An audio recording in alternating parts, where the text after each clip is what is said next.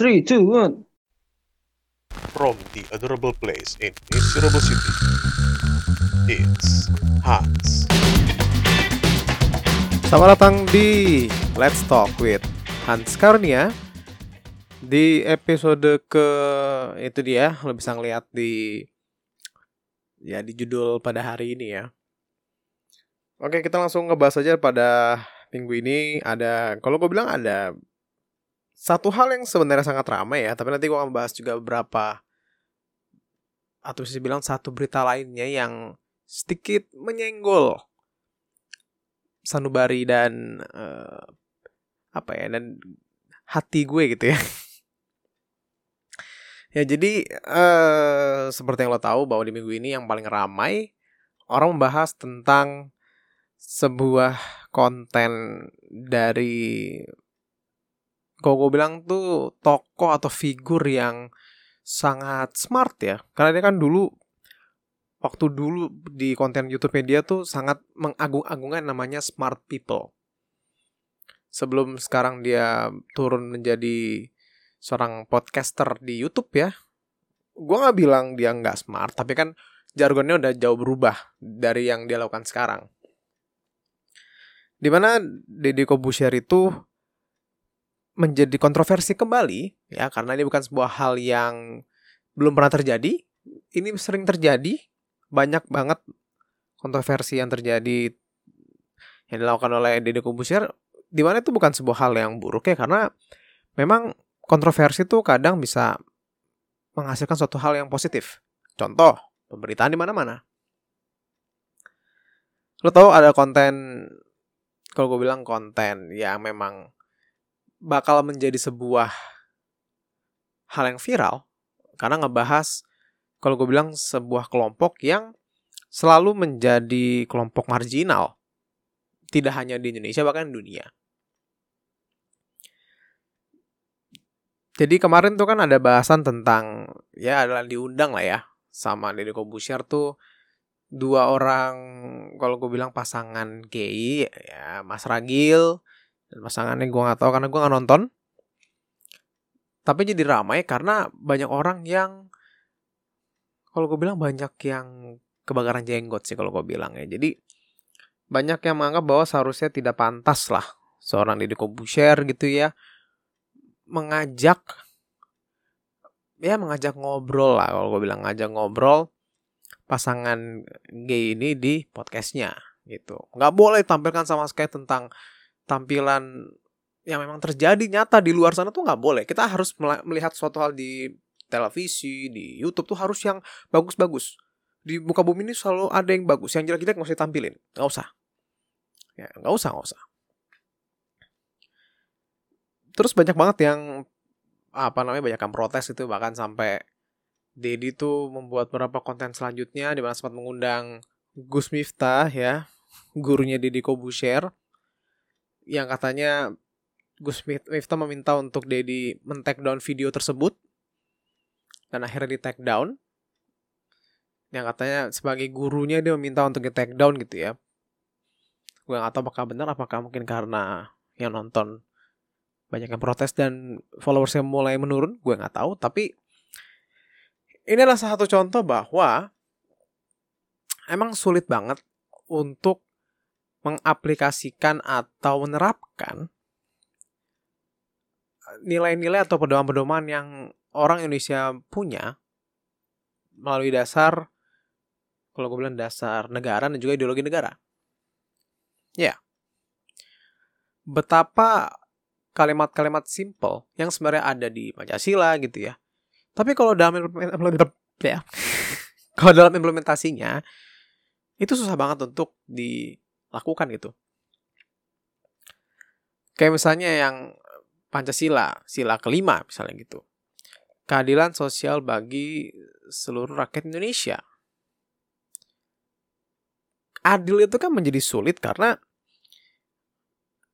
ya kayak gini. Kalau misalnya benar-benar mau adil, kalau misalnya mau adil ya, berarti nggak boleh tuh ada orang-orang yang dilarang atau dipertanyakan eksistensinya. Mau menurut kita itu sebuah hal yang aneh, nggak sesuai dengan logis kita. Tapi kalau kita mau adil, ya harus tetap diberikan apa ya, diberikan keleluasaan untuk ya eksis gitu. Dan ini kan sebagai contoh bahwa seorang Deddy Kobusier yang menampilkan seorang LGBT, walaupun ini bukan yang pertama, ya. Kalau lo bisa nonton cari aja video Deddy sebelumnya tuh banyak banget beberapa konten yang memang banyak ngebahas tentang ya kalau gue bilang golongan ini gitu. Dan sebenarnya kan yang mungkin gue tangkap di sini memang intinya apa yang dilakukan oleh Deddy itu ya untuknya untuk mendapatkan engagement. Ya, karena kan si Mas Ragil ini tuh sama pasangannya menjadi bahan olok-olokan orang Indonesia yang merasa sangat paling benar lah. Dan itu sebuah hal yang wajar di sebuah negara yang mengaku sebagai negara yang sangat, gua gue bilang sangat uh, damai, tidak ada perpecahan, toleransinya sangat tinggi, Indonesia seperti itu. Dan memang kadang omongan tuh jauh lebih mudah dibandingkan tindakan. Ya. Gue mandang LGBT itu sama seperti orang-orang yang sebenarnya butuh bantuan kita. Butuh bantuan kita untuk paling tidak mereka merasa aman untuk hidup di negara yang mereka tempati dan tidak perlu kita sebagai manusia mencoba untuk memaksakan apa yang kita punya di dalam pikiran kita kepada orang lain. Kan nggak mungkin lah bahwa seseorang tiba-tiba gitu muncul jadi seorang yang misalnya lesbian atau gay. Gue gue nggak nggak bisa nggak bisa apa ya gue bilang ya belum bisa menemukan sebuah bukti yang benar-benar kuat yang bisa mengatakan bahwa ini orang lahir langsung lesbian langsung gay enggak gue menganggap pasti ada aja pengaruh-pengaruh entah itu pengaruh dari pengalaman hidupnya pengaruh dari keluarga mungkin. Yang justru itu memang memang perlu untuk kita rangkul kali gue bilang ya. Bukan berarti lo harus nge ya oke okay lah kalau lo emang nggak sepakat gitu. Semua orang punya hal-hal yang menjadi concern yang nggak akan mereka sepakati gitu. Kayak kepercayaan atau keyakinan aja kita beda-beda kan. Dan nggak harus dipaksakan. Ya kecuali ada yang merasa memaksa dan merasa paling benar dan harus dibangga-banggakan. Gue nggak tahu itu terserah mereka. Tapi kalau menurut gue sebuah kepercayaan itu nggak bisa dipaksain. Kalau dia emang merasa itu sebuah hal yang patut untuk dia percayai, ya silakan dia jalankan. Tapi nggak perlu menjelek-jelekan kepercayaan yang lain. Dan kalau misalnya kita lihat lagi, selain juga terkait masalah-masalah kalau bilang nih kelompok minoritas lah ya. Terkait dengan LGBT juga.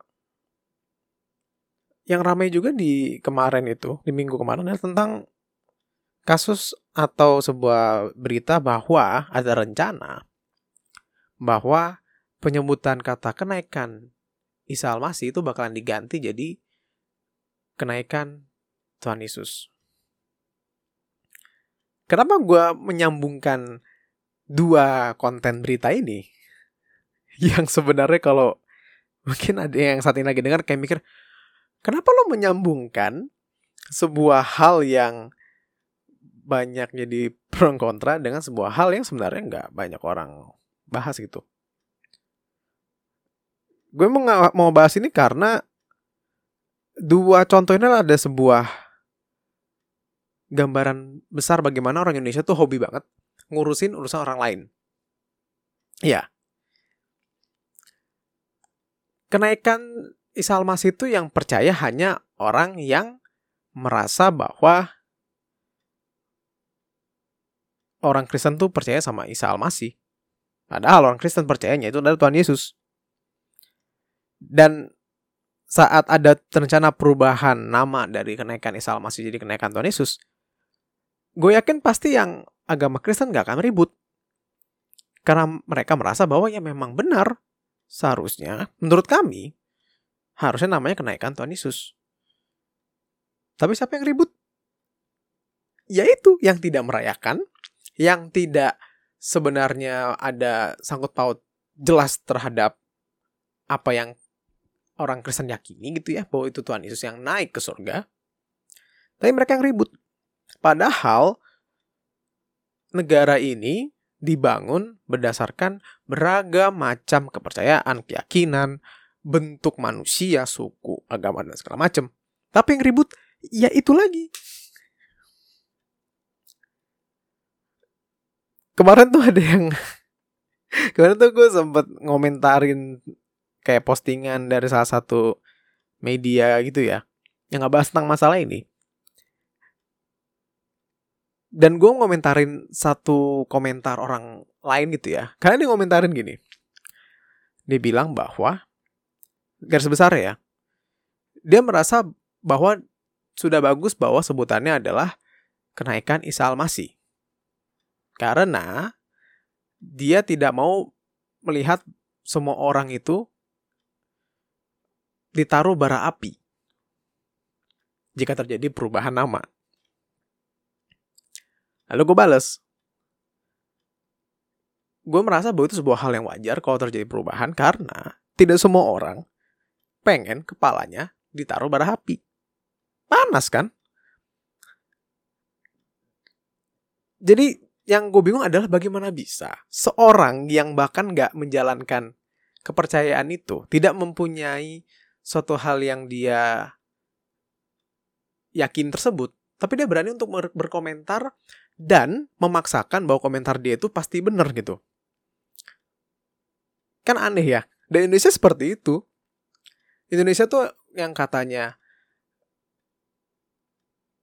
sebuah negara atau sebuah ya sebuah komunitas nggak sih sebuah negara ya yang mengaku bahwa menjunjung tinggi namanya keberagaman toleransi tapi saat ada satu hal yang berbeda,